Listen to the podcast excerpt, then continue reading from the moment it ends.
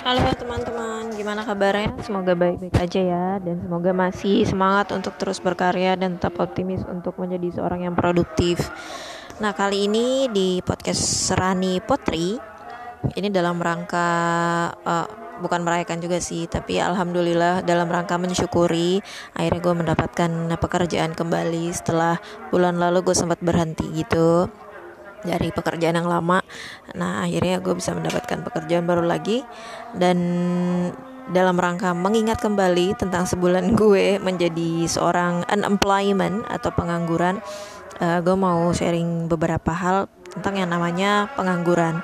Jadi sebenarnya mungkin uh, kalau selama ini stigma kita tentang pengangguran tuh agak jelek ya. Tapi sebenarnya sih kalau kita perlu ketahui uh, pengangguran itu ada beda-bedanya juga atau ada jenis-jenisnya.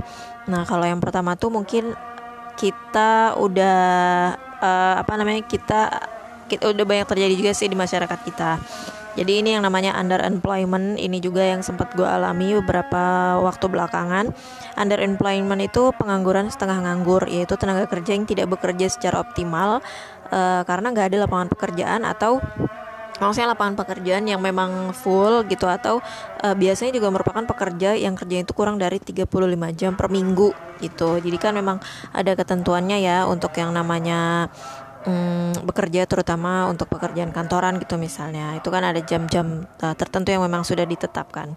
Kemudian yang kedua itu ada yang namanya open unemployment yaitu angkatan kerja yang sama sekali tidak memiliki pekerjaan. Dan ini biasanya ada dua faktor penyebabnya. Yang pertama udah berusaha tapi memang belum dapat pekerjaan karena belum ada yang cocok atau ya ya mungkin pada akhirnya kita bilang mungkin belum belum beruntungnya atau belum nasibnya dan yang kedua adalah karena emang si SDM-nya yang malas bekerja atau mencari pekerjaan kayak gitu. Nah yang ketiga ini ada yang namanya discuss unemployment atau pengangguran terselubung. Bisa juga lebih dikenal dengan pekerja gabut atau gaji buta nih biasanya. Uh, kita mungkin udah cukup familiar ya dengan yang namanya disguise employment atau pengangguran terselubung. Jadi misalnya itu dalam satu perusahaan yang kelebihan tenaga kerja di satu bagian. Nah ini tuh bisa terjadi karena uh, adanya penempatan pekerja pada bidang yang tidak sesuai dengan skillnya si pekerja tersebut, atau karena menurunnya incoming project di perusahaan tersebut kayak gitu.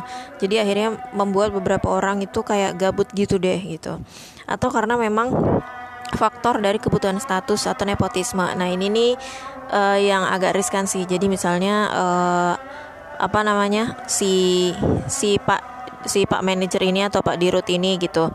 Nah, dia punya anak atau dia punya keponakan yang butuh pekerjaan dan kemudian ya udah dimasukin aja ke salah satu bagian di perusahaan tersebut.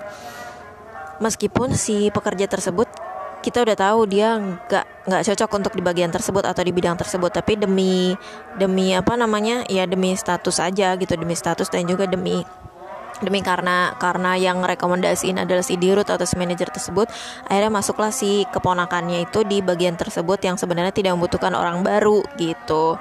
Tapi jadi ini biasanya buat status doang gitu. Tapi tetap menerima gaji menerima gaji sebagaimana layaknya pekerja yang lain kayak gitu.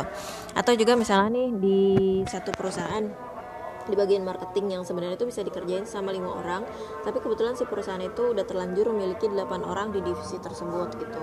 Padahal kalaupun dikerjain delapan eh uh, dikerjain lima orang itu itu nggak akan nggak akan ngaruh gitu ke ke apa ke profit yang akan didapat gitu sama aja gitu. Mau di mau 8 atau lima orang profitnya akan sama aja gitu. Tapi mungkin secara cost akan lebih murah gitu kalau cuma lima orang gitu.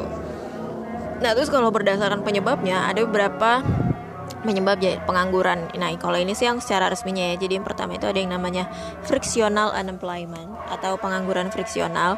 Biasanya karena si penganggur menunggu pekerjaan yang lebih baik gitu.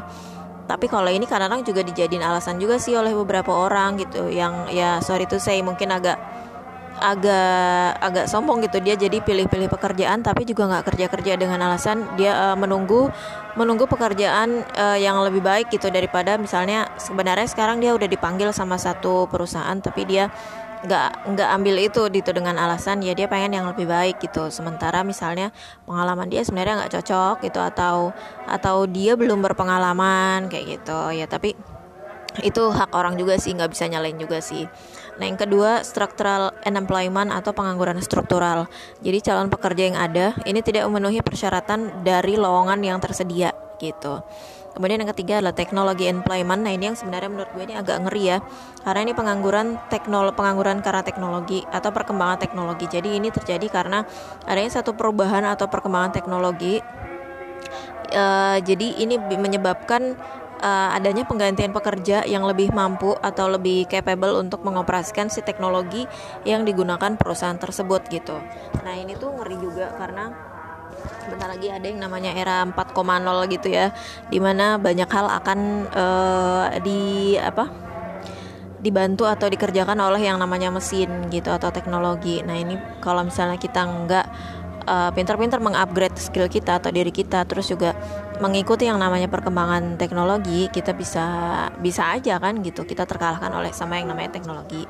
Jadi mau mau mau kita memang harus terus mengupgrade diri kita mengupgrade skill kita terutama bagi orang-orang yang masih butuh untuk uh, melakukan pekerjaan-pekerjaan misalnya kayak kerja di kantor atau sebenarnya nggak harus di kantor doang sih sebenarnya dalam pekerjaan apa pun kalau misalnya memang masih butuh kerja dan belum belum me, merasa be, belum di titik uh, financial freedom uh, kita tetap harus uh, ngikutin yang namanya perkembangan teknologi kayak gitu Kemudian yang keempat ini ada yang namanya pengangguran signikal. Ini biasanya terjadi karena adanya kemunduran ekonomi di satu daerah atau di satu negara gitu. Jadi emang kalau ini sih general ya gitu. Kayak gitu. Nah, terus yang kelima ada yang namanya pengangguran musiman. Nah, kalau pengangguran musiman ini mungkin karena memang e, bidangnya itu mengikuti musim-musim tertentu. Misalnya aja kayak di bidang pertanian atau perkebunan atau juga di perikanan gitu kan. Kalau mereka kan mak maksudnya kalau untuk di bidang-bidang tersebut kan ada yang namanya musim tanam, kemudian musim musim apa musim panen kayak gitu habis musim panen mau nggak mau rehat dulu karena misalnya harus nunggu harus nunggu kondisi tanah harus nunggu kondisi kondisi ekonomi dan uh, atau nunggu modal kayak gitu. Jadi namanya disebut pengangguran musiman. Kemudian yang keenam ini ada yang namanya pengangguran keahlian atau tidak kentara. Jadi uh, ini ini tuh jadi orang-orang yang memiliki aktivitas tapi tidak menghasilkan uang gitu atau tidak menerima profit dari aktivitas yang dia lakukan. Misalnya siswa sekolah atau mahasiswa kayak gitu. Jadi itu tuh terselubung gitu. Jadi mau dibilang pengangguran juga dia punya aktivitas uh, tetap gitu kan.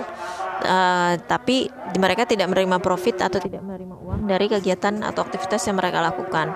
Uh, jadi bagi apa namanya bagi teman-teman ya saat ini menjadi mahasiswa gitu dan belum bekerja um, sebaiknya sih tidak tidak terlalu menyombongkan diri dulu gitu karena karena sebenarnya kalau misalnya ditilik lagi kalau misalnya kalian tidak kuliah gitu dan tidak bekerja ya ujung-ujungnya tetap menjadi pengangguran gitu atau mahasiswa itu sendiri sebenarnya adalah pengangguran terselubung gitu atau tidak kentara gitu tapi ya itu tadi sih uh, makanya pinter-pinter kita pinter-pinter juga sih untuk untuk melakukan aktivitas yang memang yang memang produktif gitu atau atau lebih baik gitu. Jadi jadi tetap menjadi seorang yang produktif seperti itu. Ya itu deh uh, kurang lebihnya jenis-jenis pengangguran uh, tadi juga berdasarkan penyebabnya juga udah udah gue share ya. Uh, mungkin bisa sharing juga di sini kalau misalnya ada tambahan bisa DM aja. Nanti mungkin gue bisa tambahin lagi di episode berikutnya atau di podcast berikutnya. Terus kalau misalnya emang ada yang perlu diperbaiki atau direvisi karena ini juga gue berdasarkan dari yang pernah gue baca gitu dan sharing-sharing sama teman-teman yang lain kayak gitu nah uh, buat teman-teman yang saat ini masih menjadi job seeker atau cari kerja um, tetap semangat, tetap optimis gitu. Yang penting jangan jangan nyerah, buat terus ikhtiar, buat terus mencoba gitu, applying, applying dan juga dengan catatan uh, lo terus apa namanya mengembangkan dan terus evaluasi uh, apa apa sih yang perlu gue tingkatkan gitu skill apa dan juga mungkin mungkin ya mungkin juga buat teman-teman kalau misalnya emang belum dapat dapat kerja mungkin perlu ini apa namanya mengembangkan mengembangkan diri di bidang lain juga mencoba mencoba mengembangkan diri di bidang lain karena siapa tahu aja di situ peruntungan lo ada di situ gitu gitu aja sih dari Rani Putri semoga sharing kali ini bermanfaat terima kasih buat teman-teman yang udah dengerin dan jangan lupa untuk podcast Rani Putri uh, sekarang udah udah bisa didengar di Anchor FM terus juga di Spotify, Google Podcast, di Radio Pu dan juga di Radio Publik. Nanti kalau misalnya ada tambahan lagi gue akan kasih tahu. Jangan lupa untuk follow Instagram gue di, di instagram.com slash rani underscore putri. Terima kasih.